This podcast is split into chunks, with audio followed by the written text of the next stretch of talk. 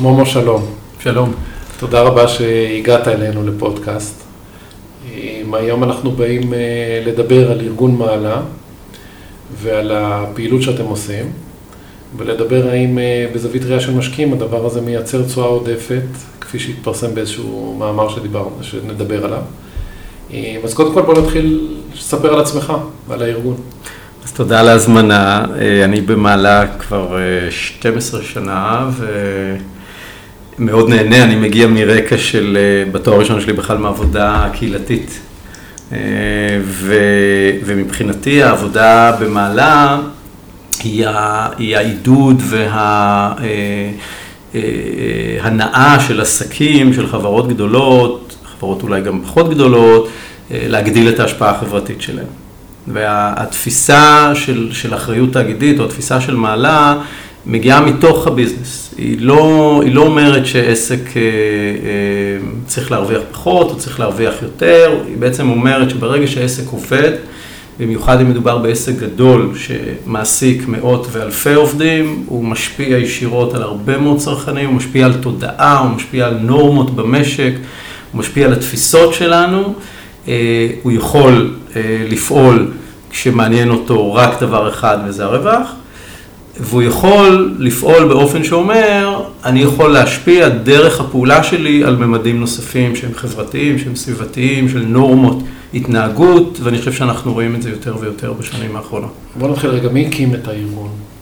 הקימה את הארגון אה, ב-98, אה, טליה אהרוני, אה, שהגיעה מעולם יחסי הציבור והכירה היטב את הכלכלה הישראלית.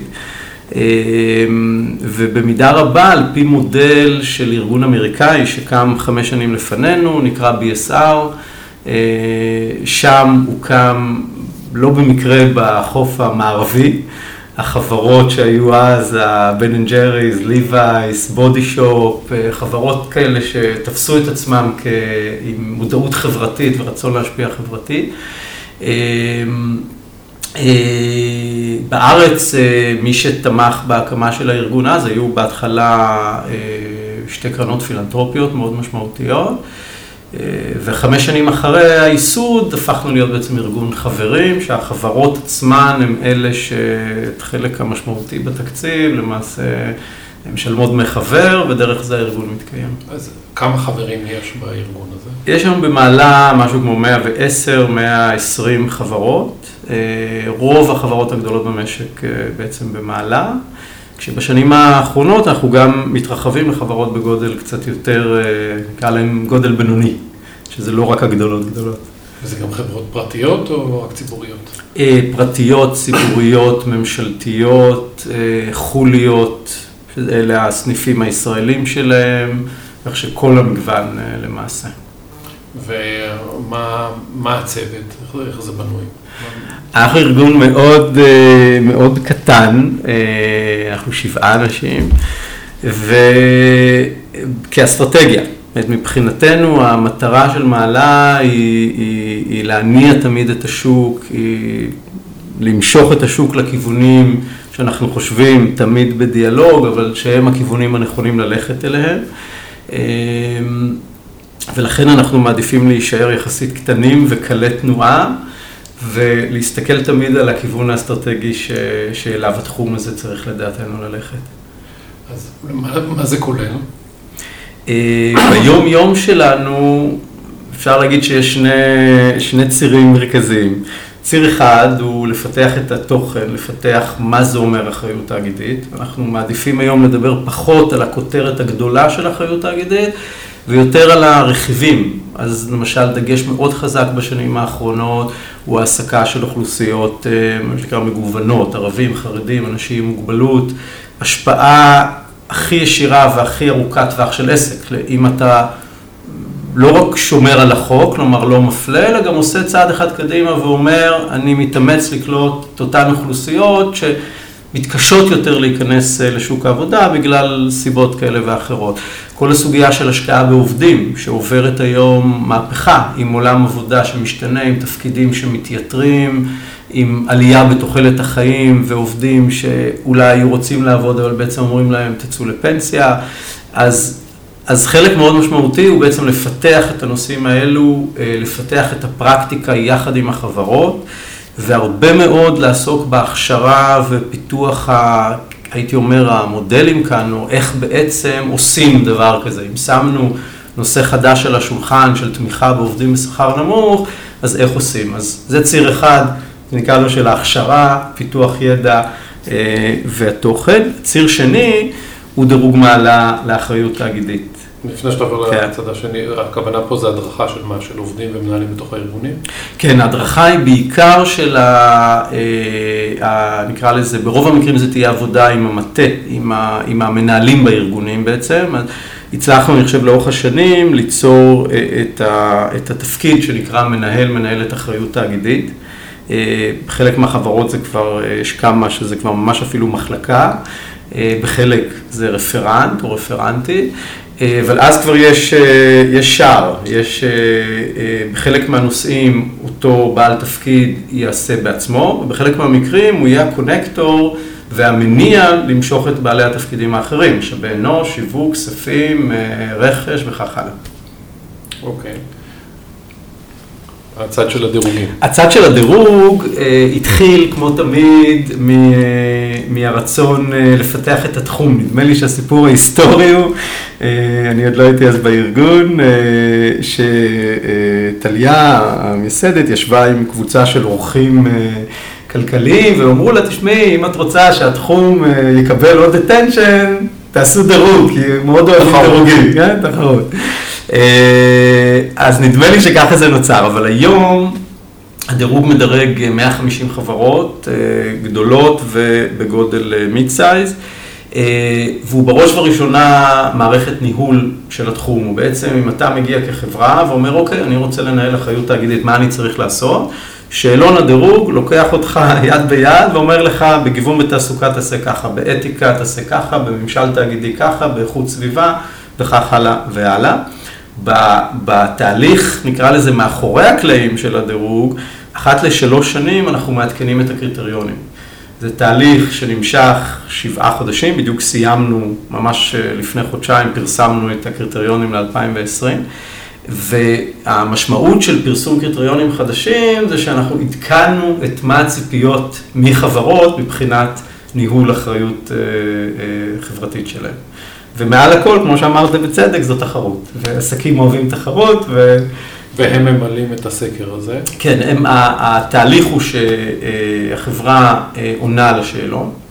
אה, זה גם במידה רבה מבחן, אה, נקרא לו מבחן אמון, כלומר, זה לא שוטרים וגנבים שהם יגידו ואני אבדוק אותם, אלא יש פה תהליך סדור, גם של חברות מסודרות, מבוקרות, רגילות לכל תהליכי הדיווח. אה, מסביב, אז הן ממלאות את השאלון הזה, השאלון המלא הוא משהו כמו 120, קצת יותר שאלות, השאלון ל mid size הוא קצת יותר light, אה, אה, מנכ"ל חותם, מאשר את, ה, את כל הנתונים האלה, אם החברה רוצה היא יכולה לקבל גם בונוס על assurance חיצוני לכל, ה, לכל תהליך המילוי שלה. כל הדבר הזה נכנס לממשק ממוחשב שפיתחנו אותו לאורך השנים. אה, והוא מנקד למעשה את כל חברה שמדורגת. הניקוד אה, הוא, חלקו הוא כן לא, זאת אומרת, או שיש קוד אתי או אין קוד אתי, אה, חלקו הוא לפי איזשהו בנצ'מארק של כלל החברות המדורגות, כמה החברה תרמה, כמה התרומה הזאת מהווה מה, מהרווח לפני מס, ואז בנצ'מארק לפי כלל החברות המדורגות. אה, וחלק מהשאלות הן שאלות שבהן כן יש הערכה אה, של אנליזה חיצונית שעושה עבורנו חברת גרינאי על פרק איכות סביבה, ששם ההחלטה עוד בראשית הדרך אה, הייתה שכאן אי אפשר לעשות בנצ'מארק וזה לא כן ולא, אלא בכל זאת צריך איזושהי אנליזה שבוחנת יעדים לשיפור, הצלחה, פליטות וכך הלאה.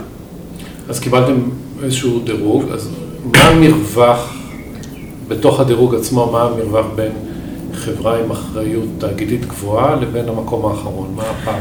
תראה, קודם כל המקום האחרון זה של החברות שלא משתתפות, כי הדירוג הוא וולונטרי וצריך לרצות אה, להיכנס אליו. אה, חסם הכניסה, אני חושב, הגדול ביותר, לפחות ברושם שלנו, הדירוג הוא גם לא כרוך בתשלום מבחינת החברות. הוא כן דורש מהם כמובן תשומות עבודה, אבל מה שאנחנו רואים, החסם הגדול לכניסה, הוא, בוא נגיד אחד, זה עצם הגדרת החשיבות שאני רוצה לטפל בתחום הזה, והדבר השני כמובן תהיה השקיפות, כי אתה בכל זאת חושף כאן ומוציא החוצה הרבה מאוד נתונים שבדרך כלל לא אוספים אותם. אז זה מה שנקרא, מי שלא נמצא אפריורית, בוא נגיד, יש גם מי שעושה ולא נמצא, זה ברור, אנחנו לא מתיימרים להיות הדבר היחידי, אבל כחתך, אם נסתכל היום על החברות שמובילות ומטפלות ברמת מחויבות גבוהה באחריות תאגדית, אני חושב שכמעט כולן אה, נמצאות בדירוג. הציבור רואה אה, מנעד די קטן, כי חיצונית אה, החלטנו, אה, אני חושב שמהשנה השנייה של הדירוג, לפרסם את הדירוגים ברמות של אה, אה, פלטינה, זהב וכסף, בלי הציון המדויק. והמחשבה מאחורי הדבר הזה הייתה שההבדל בין ה-97 או 95 הוא לא באמת מאוד משמעותי מבחינת האחריות התאגידית, ויותר חשוב לנו שייכנסו כמה שיותר חברות פנימה אה, ולא להיכנס לריב הזה, אנחנו מדי פעם משלמים על זה מחיר. אה, בפנים, בתוך הדירוג המנעד הוא, הוא גדול למדי והוא ינוע בין ציון, אני חושב, של 60 אה, עד 100 וקצת, כי יש 100, לא זוכר מה היה הציון המקסימלי, נדמה לי ש 103, כי יש גם קצת נקודות בונוס. החברות עצמן מקבלות את הציון המדויק שלהן, ואני יכול לומר בחתך, שאלה שהחברות שבמאמץ הגדול ביותר לשמור או לשפר את הציון הם אלה שלמטה, שרוצות לעלות, ואלה שבטופ, שגם רוצות לשמור על המקום וגם ברוב המקרים מתעצבנות אפילו מרבע נקודה שהם הפסידו ומנסות לשפר את הדבר הזה יותר. שזה שנתי. שזה שנתי. פעם בשנה חברות מגישות, אה, למעשה עכשיו אנחנו ממש לקראת הסגירה, באמצע מאי נדמה לי. זה מועד ההגשה של השנה, כשהתוצאות עצמן מתפרסמות תמיד באירוע פתיחת מסחר אה, בבורסה, אה, בטח תכף נגיע גם למדדים שקשורים לדירוג, אז אה, יחד עם ראשי החברות, והשנה זה הולך להיות בשני לשביעי. בואו נעבור להשקעות, אנחנו מתעסקים בהשקעות ורוצים לראות האם, מה זה אומר למשקיעים, למשקיעים פרטיים, משקיעים מוסדיים. התפרסם, דיברנו על זה קודם, איזשהו מאמר של IBI שבחן את זה ומצא שהשקעה במניות שמדורגות גבוה עושות תשואה עודפת על המדד הכללי. נכון. תסביר לי מה, מה אתה מבין מה, מהתוצאות של המחקר ובכלל מהתהליך דירוג ומה המשמעות אה, למשקיעים עבור ה... אז נתחיל אולי רגע בעצם הרציונל שאמר, אה, שני דברים. אחד הוא אמר, אה, לטווח ארוך, הגיוני שהחברה שמקפידה ומנהלת גם את הממדים היותר מורכבים, החברתיים, סביבתיים ואתיים, תיתן תשואה טובה יותר לאורך זמן. ההיגיון השני גם אמר, אה, משקיעים, גם הם אנשים שאכפת להם, אז אה, גם הם ירצו להשקיע, או לפחות יעדיפו חברות ש... יש להם אה, גם ניהול של הממדים האלה. אם נקפוץ לסוף, מה שהמאמר אה, של IBI, הכותרת שלו הייתה מאוד צבעונית ויפה, המדד המסתורי שמכה, נדמה לי, את המדדים האחרים או משהו כזה. זה מסתורי כי מעט אנשים מכירים אותו, מדד מעלה, או למעשה יש היום שלושה מדדי מעלה בבורסה לניירות ערך, מדד מנייתי אחד, שהוא הוותיק ביותר. הבורסה אגב הייתה אה, בין הבורסות הראשונות בעולם בעצם להשיק אה, מדד אה, שקשור להשפעות החברתיות והסביבתיות ולפני, ב-2017 הושקו גם שני מדדים חדשים על בסיס הנתונים של מדדי אג"חים. שהם בעצם לוקחים את האג"חים של החברות המדורגות לפי קריטריונים שונים. המדד מעלה המנייתי, שהוא קיים מ-2005, אה, הוא אחד המדדים הטובים ביותר מבחינת התשואות שלו בבורסה, הוא מקט אה, בצורה משמעותית ביותר את אה, תל אביב 35 ותל אביב 125, במבחן, גם במבחן שנתי, גם במבחן של חמש שנים, וכמובן רואים את זה בצורה הכי דרמטית במבחן של עשר שנים. כך שנוצר כאן איזשהו לינקג' מסוים בין חברות שהלכו צעד קדימה ומשתתפות בדירוג ומחויבות לאיזשהו שיפור, לבין תשואות. אז זה יפה. זה לא ביצה ותרנגולת, אלה שהחברות החזקות יש להן תקציב להתמודד עם הסוגיות האלה, או... אני חושב שזו שאלה מאוד טובה. כי במימון אנחנו מכירים שאתה לא מסתכל, אתה מסתכל על הפרמטרים, אם איזה אנשים לא אוהבים חברות סיגריות וחברות, אני לא יודע, תחומים של הימורים, אז בלונגרן יש להם מספיק משקיעים שיניבו תשואה, כי אומרים, אוקיי, הציבור הרחב לא נמצא פה, ואז התשואה העתידית יכולה להיות גבוהה. אז השאלה מה מסביר את זה פה, מה... האם הדירוג הוא מוביל לזה, או, ש... או, ש... או שפשוט הן טובות והן זוכות לדירוג בגלל שהן חברות גדולות? אני חושב שיש שם, אגב, מי שגם מייצר תשואות לא רעות במדד הזה, זה לפעמים חברות קצת פחות מוכרות. קופצת לי לראש נגיד, אין לי את הרשימה מולי, אבל נניח אלבד, שהיא חברה פחות מוכרת, אם אני זוכר נכון, יש לה תשואות מאוד מאוד יפות, היא משתתפת בדירוג הרבה מאוד שנים, והיא לא, לא מחברות הענק, הבנקים, הבנקים או המזון הגדולות וכך הלאה, אז, אז זה לא רק, אבל אני חושב שבוודאי יש קורלציה בין ניהול טוב, בין תפיסה של, נקרא לזה מורכבת יותר, של המציאות שבה אתה בעצם פועל כעסק וכבעלים או הנהלה של עסק, לבין אחריות תאגידית. ובמקרה הזה כן תהיה פעולה איזושהי ביצה ותרנגולת, אבל, אבל אחריות תאגידית תהיה במפורש אחד הכלים והמדדים שיעזרו לעשות את זה. אם אתה מגיע כמנכ"ל או כיו"ר או מנכ"לית או יו"רית, עם תפיסה שאתה צריך להתייחס גם לממדים החברתיים והסביבתיים, לאתיקה שלך כעסק, האחריות התאגידית תהיה אחד הכלים שיעזרו לך לעשות את זה. אבל, אז זה יהיה רכיב אחד. אני חושב שמה שעוד תרם, ואז, ואז ללא ספק, אני חושב שאני מסתכל על ההרכב של מדד מעלה, יש שם חברות טובות, יש שם חברות שבאופן כללי, נסתכל עליהם, או, או, או מנהל השקעות, או הציבור יסתכל עליהם, ואחרי כל הנטייה הישראלית הרגילה לציניות וביקורתיות, יגידו, אוקיי, בסך הכל יש פה באמת חברות טובות, שאולי הן לא מושלמות, אבל הן בהחלט מחויבות. ממדים נוספים שלהבנתנו השפיעו על ההצלחה של המדד, הייתה לנו גם החלטה היסטורית שהמדד יכלול רק את החברות, נקרא להן התפעוליות, הוא לא כולל את קבוצות ההחזקה. לצורך העניין, הוא לא כלל את IDB, הוא כן כלל את שופרסל או אדמה, הוא כלל, הוא כלל היום לא מדורגת, אני מקווה שהיא כן תיכנס. והדבר הזה, אני חושב, מאוד השפיע במיוחד כשראינו את השינויים שחלו בשוק ההון ב-2011, 2012 והלאה.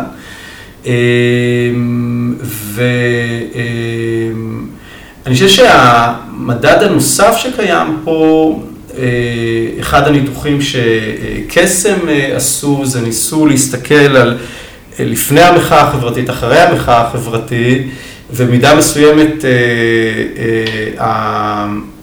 חלק משמעותי מהתשואה העודפת של המדד הגיע אחרי 2011, ואז שוב הייתה כאן איזושהי אמירה שיש כאן גוף של חברות שגם היה מוכן יותר, או לכל הפחות הגיב טוב יותר לכל, שוב, לשינויים שחלו מבחינת הקשר עם הצרכן, לשוק ההון, אבל מעבר לזה, כן, זה, זאת, זה, התוצאה. זאת התוצאה. כן.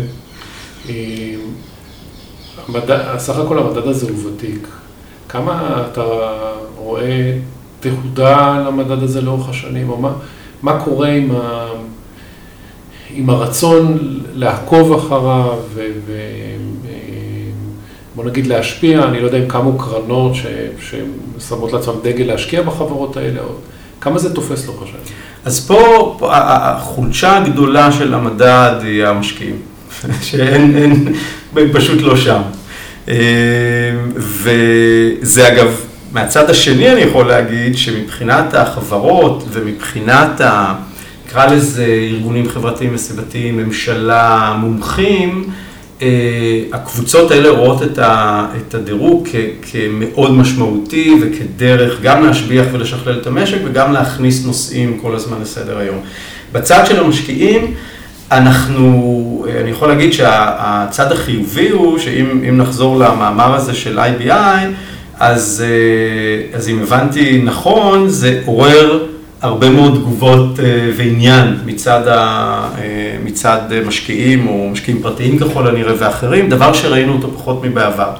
אבל ככלל, אה, אם נסתכל ונעשה רגע השוואה לעולם, הנושא של השקעות אחראיות, של השקעות אתיות, של השקעות משתמשים הרבה במונח של ESG, environmental social governance, הם תחום, אה, בצמיח, הוא תחום בצמיחה מאוד גבוהה בעולם, מדברים על סדר גודל של כבר כמעט רבע מסך הכסף המנוהל, בין 20 ל-25 אחוז מהכסף המנוהל, שמאמץ גם שיקולים אה, אה, של השקעות אחראיות בהחלטות ההשקעה ברמות שונות, יש מי שהולך עד הסוף, יש מי שילך להיבטים כלליים, והתחום הזה לפני, אני זוכר נכון, לפני סדר גודל של עשר שנים, הוא היה בסביבות עשרה אחוז, כלומר הוא צומח.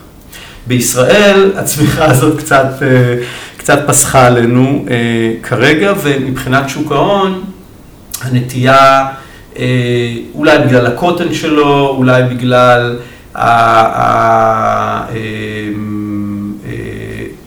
העניין יותר נמוך של המשקיע הבודד, איפה המבנה שלו, ככה, למוסדיים. הם אלה שקובעים את הטרנד. נכון, והמוסדיים כרגע לא שם. גם פורסמה, מי שבוודאי מכיר את זה, הרי פורסמה הנחיה גם של רשות שוק ההון לפני שנתיים, שלא חייבה אה, השקעות אה, ניהול בגישה של השקעות אחיות, אבל כן דיברה על, ה, על הדיווח, האם, האם השתמשת כגוף מוסדי, כמשקיע מוסדי, אה, בשיקולים של השקעות אחראיות. זה עורר, ואני חושב ש, שיכול להיות, בואו נראה אם אנחנו כרגע, מה שנקרא, יש את אלה שמגיעים ראשונים למסיבה, או שזה יהיה בערך אותו דבר, כי יש, בוא נגיד שלכל הפחות, אני יודע, גם מפניות שהיו אלינו ולאחרים, אז יש בחינה של הנושא הזה. אה, זה עוד לא התכנס להשקעות אה, משמעותיות כרגע. ואיך זה עומד ביחס, בוא נגיד הקטגוריה הזאת בעולם, שאתה מדבר על, אמרנו על טווח, יש ציונים, אז זה חופף למתודולוגיה שקיימת בעולם, זאת אומרת ציון 100 בדירוג שלכם זה משהו שהייתי מקבל ציון 100 בחו"ל, או שבוחנים בישראל ובחו"ל אחריות תאגידית רק בצורה צרה, או... זה... הציון הוא אותו ציון, או... כן ולא. בוא נגיד ככה, בכן, אה, הפרמטרים שאנחנו בוחנים הם פרמטרים אה, שהם אה, בהתאם לשיח העולמי ובהתאם למה שבוחנים בעולם. אה, ואני אגיד יותר מזה שאני חושב שבהקשר הייחוד, בוא נגיד, של דירוג מעלה, שהוא מאוד מותאם לשוק המקומי. הוא מותאם לשוק המקומי גם בתרבות הארגונית שאנחנו מכירים אותה בישראל. שאני משווה את זה למשל, אחד השאלונים שאני מאוד מעריך זה של, של סם, RobecoSAM, שהוא גם מבצע אה, את חלק מהערכה ל Dow Jones Sustainability Index. כשאני מסתכל על השאלון שלו, אז הוא שאלון בשפה של ה multinationals, ולא דינה של אה, חברת אה, ענק ישראלית כדינה של multinational אה, שהם ליגה בפני עצמה. הדבר השני שאני חושב שדירוג מעלה פיצח בצורה יפה זה התאמה לסדר היום ולסדר העדיפות ולסוגיות של המשק הישראלי. אז שוב, שאלון עולמי ישאל על child labor, על עבודת ילדים, אנחנו יודעים שבמשק הישראלי סיפור של שרשראות האספקה עם child labor הוא פחות נושא, ולעומת זאת הסוגיה נגיד של גיוון או של עובדים בטח בשכר נמוך, סוגיה יותר כבדה. אז במובן הזה הדירוג הוא מאוד אה, דומה אה, לעולמי. מה שהוא לא דומה והוא לא מתיימר להיות דומה, זה בעובדה שהוא אמור להיות מוצר מדף אה, גנרי יחסית.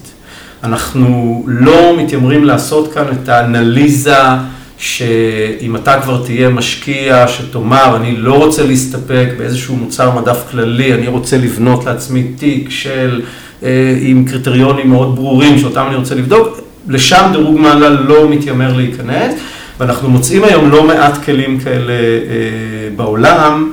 של קרנות כאלה ואחרות עם קריטריונים מסוימים, בין אם זה תהיה קרן או בין אם זה מנהל כספים, ש, שבעצם יחד עם מן הסתם יועצים שמומחים בתחום, כבר יבנה לאותם לקוחות עם תיק משמעותי, כבר את התיק שלהם. אז פה אנחנו רואים בעולם היום מגוון מאוד גדול של מוצרים, החל ממוצרי המדף אה, של המדדים, כמו ה-Dow Jones Sustainability Index, FTSE for Good, ואז שוב, בחינת אה, פרמטרים בכותרות תהיה די דומה. בפנים הם כבר הכניסו סטנדרטים שיותר מותאמים אולי לשווקים שבהם הם פועלים. אחר כך אנחנו נמצא קרנות אה, שונות שכבר יהיו עם קריטריונים יותר ספציפיים. קרנות גידור אתה מדבר? אה, גם הגידור אגב נכנסו לזה, בלקרוק למשל חוללה שינוי מאוד משמעותי וככה הכריזה שהיא נכנסת לזה, אבל גם קרנות אה, נאמנות או קרנות השקעה ספציפית, private equity כאלה יותר אני משער. אה, ובסוף בסוף אנחנו נמצא באמת את ניהול התיקים כבר בגישה של השקעות אחראיות, שזה כבר ממש יהיה ה-state of the art המתקדם אה, ביותר. זאת אומרת שאתה יכול בניהול תיקים לתת הנחיה שאני רוצה שכל ההשקעות שלי יהיו בתאגידים שיש להם דרגת דירוג גבוה באחריות אה, תאגידית. או שכן, שאתה תאמר, אני רוצה למשל, או חלק מהכסף, או כל הכסף, כבר החלטה פה תהיה כמובן נתונה, אבל אתה יכול למשל לומר, אני רוצה שתבנו לי תיק עם פרמטרים מסוימים, אה, שאני רוצה למשל להדגיש מאוד, למשל, כן, דבר נפוץ אה, יהיה, אני רוצה להשקיע בטכנולוגיות שהן sustainable. אז מה שמעניין אותי פה זה up and coming, יכול להיות שפחות מעניין אותי חברות ותיקות ומסורתיות, ואני רוצה למצוא את אותן השקעות שלהבנתי קושרות בין קיימות לבין הדבר הבא, כן? וכך הלאה. והלאה יש אגב, בארץ מה שכן קיים, זה לא תמיד מוגדר כהשקעות אחרת, אבל זה כן מעניין, זה למשל הסיפור של אני תיקי השקעות שומרי שבת. זה בעצם במידה מסוימת. דומה. דומה, כי אתה אומר, רגע, הנה, לי יש ערכים מסוימים שאני מאמין בהם, ואני רוצה שגם ההשקעות שלי יהיו מסונכרנות עם הערכים שלפיהם אני אה, הולך. יש תעשיות שלא משתפות פעולה? אמ, זו שאלה, כלומר, ככלל, אמ, אני יכול להגיד שהענפים החלשים מאוד בדירוג, ענף הבנייה באופן כללי הוא מאוד חלש, למעט שיכון ובינוי, אה, שככה גם לקחה את הנושא של הקיימות כדגל מאוד מאוד מרכזי. אה, רוב חברות הבנייה המשמעותיות לא נמצאות כרגע.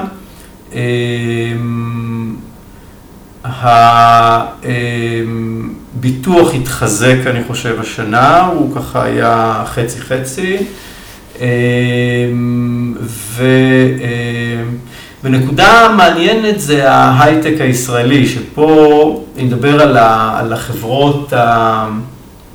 נקרא לזה לא הסטארט-אפים שבשבילם אני חושב שזה עוד באמת רחוק, אבל לחברות. שרובן אגב גם לא נסחרות בבורסה בתל אביב, ואז אנחנו כבר ממשיכים את הרצף. אז, אז יש כמה משמעותיות, כמובן נייס היא דוגמה. אה, וכמובן ה multinationals, שהפעילות הישראלית מדווחת, אינטל, מייקרוסופט וכך הלאה, אבל אנחנו לא נמצא הרבה הייטק ישראליות כאלה שכולם מצפים, ש... או שהם כבר גדלו וצמחו, או שמצפים שהם עוד יצמחו, גם זה ענף אה, שאולי קצת יותר חלש. שהוא לא, דווקא בניגוד לתדמית. אה, זאת נקודה מאוד מעניינת, כי אני חושב שה... יש היום תחילתו, הייתי אומר, של שיח, של, של כל המעבר הרי בין, אה, אה, ה, כן, מהו ההון שלך, האם הוא הידע, האם הוא, ה, האם הוא הנכסים, אה, וגם בעולם הקיימות עדיין, כן, יש הרבה מאוד שיח על, אה, על החברות המסורתיות, על התעשייה ואיכות סביבה, אה, אה, על הבנקים שאוהבים יותר, אוהבים פחות. אה, ואז לכאורה בפרמטרים האלה ההייטק הם כביכול חברות אה, מאוד אה, טובות, אבל, וזה כמובן נכון בממדים האלה, אני חושב שזה כן שאלה מאוד מעניינת היום על כל ההשפעות שאנחנו מכירים, על, על בוודאי של כל סוגיית הפרטיות, שאלת המידע. שבעצם המודלים העסקיים שאנחנו לא לגמרי ערים להם, של מידע שאנחנו בעצם כאילו מקבלים בחינם, אבל בעצם אנחנו משלמים על זה בכל המידע שאנחנו מספקים, בלי שבהכרח נקבל על זה תמורה. אז פה, פה יש סוגיה שאני חושב שהיא גם בעולם בדיוק היום בתחילת הדיון שלה. אה, מה האתגרים האמיתיים של החברות מהסוג הזה, פה אנחנו נדבר על חברות הענק, על גוגל, פייסבוק, אה, אמזון וכך הלאה. אה, בואו בוא נסיים בזווית ראייה של משקיע פרטי שרוצה לקבל מידע. מה הוא חשוף דרככם? הוא נכנס לאתר, הוא נכנס לבורסה, איך הוא, איך הוא מקבל את המידע שהוא אומר, אוקיי, אני רוצה להשקיע בחברות שיש להם עכשיו, קיבלתי איתות חיובי לדרך הניהול שלהם, איפה המידע הזה מסתתר? אני חושב שהדבר הפשוט ביותר יהיה אה, לקחת את מדד מעלה, יש עליו תעודת סל אה, אחת היום של אה, קסם, ואתה בעצם יכול להחליט כמשקיע או כמשקיעה שאתה רוצה להשקיע במדד הזה, במדד כולו. אם אני רוצה את המידע עצמו. עכשיו, וכמובן באתר הבורסה אפשר לראות את, ה, את ההרכב של המדד וכך הלאה בצורה הכי מדויקת. אה, אם רוצים להיות אה, קצת יותר אה, מתוחכמים ולומר אני לא בהכרח רוצה את כל המדד או אני רוצה גם להבין מי נמצא במדד, באתר מעלה יש לכל חברה מדורגת דוח דירוג שנותן את התמונה שלה בציון מקודד בין 1 ל-10 בכל אחד מפרקי הדירוג. אז אנחנו לא חושפים את הציון הכללי או את הציון המדויק, אבל אתה יכול מהר מאוד להבין תמונה של איפה החברה הזאת נמצאת, אתה יודע אם היא, אתה רואה גם אם היא בפלטינה, זהב או כסף, אבל אז אתה גם יכול לראות בממדים השונים אה, איך היא באיכות סביבה ואיך היא בממשל תאגידי ואיך היא בתרומה לקהילה וכך הלאה.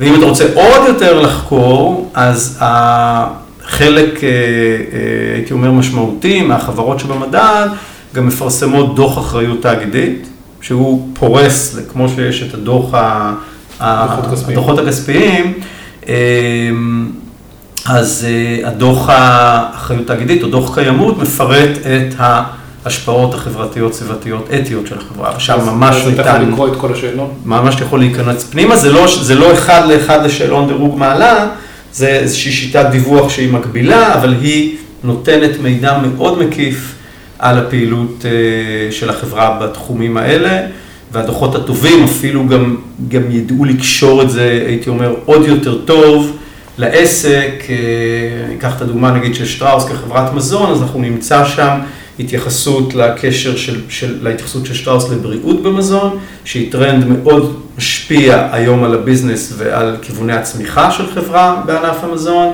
ויהיה אפשר גם לראות איך שטראוס משקיעה בזה, מטפלת בזה, נכנסת לפודטק וכך הלאה. אז זה כבר יהיה קשר שהוא ממש עסקי. זה מידע משלים לדוחות הכספיים או שזה חפיפה? זה משלים לדוחות הכספיים למעשה. הדוח קיימות הוא מידע נוסף. הוא בדרך כלל את הדוחות האלה עושים לפי אה, אה, קריטריונים של ארגון, אה, אה, נקרא GRI, Global Reporting Initiative, או, או יש מסגרות אחרות. אה, שהם בונים פה שוב סט וולונטרי מומלץ לחברות לדווח לפי הפרמטרים האלה.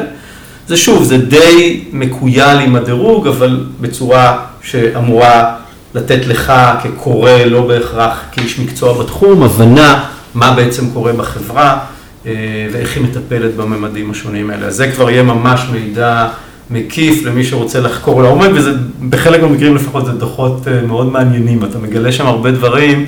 שלא אה, לא, לא היו נחשפים בעצם בדרך אחרת. אה, נחזור לשני ביולי, מה מתוכנן? השני ביולי הוא אירוע אה, קצר אה, וכיפי, אה, הוא בלובי של הבורסה לניירות ערך, אה, ובו אנחנו אה, בעצם ברבע בתשע אה, מציגים את אה, מי החברות שמדורגות השנה אה, בדירוג, מציגים איזושהי תמצית מהטרנדים שאנחנו רואים כל שנה בהשפעה החברתית-סביבתית אה, של עסקים. אה, ואז ברבע לעשר יש את טקס פתיחת המסחר הכיפי והמסורתי עם ראשי החברות המדורגות, ומיד אחרי זה כל המידע עולה לאתר מעלה, ואז גם אפשר לראות מי הם בעצם ה... החברות המדורגות של השנה, המדד עצמו מתעדכן יותר מאוחר. אז זה נדמה לי, אם אני זוכר נכון, באוגוסט, אבל אה, אה, כבר אפשר לראות לפחות תמונה לגבי החברות המדורגות עצמן והתוכן המקצועי. תודה רבה, היה מאוד מעניין. נחכה לפרסום. תודה רבה, תודה רבה על ההזמנה.